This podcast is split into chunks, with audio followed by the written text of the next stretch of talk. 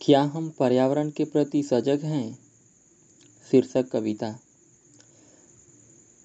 जब हम पर्यावरण के प्रति सजग हैं, जब हम पर्यावरण के प्रति सजग हैं तो दिन पर दिन प्रदूषण की समस्या क्यों बढ़ रही है?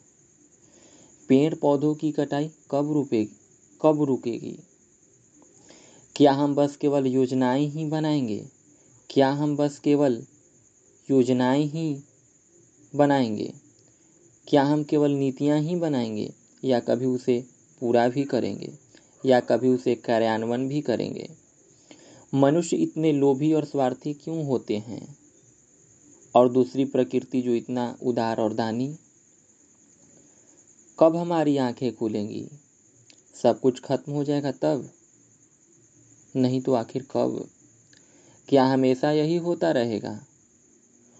क्या वही काम अब भी होगा जो हम बचपन की नादानियों में किया करते थे?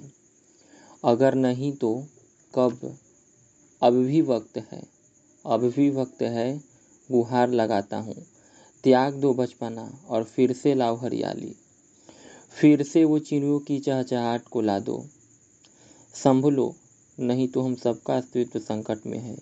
हे मानव, संभलो तुम।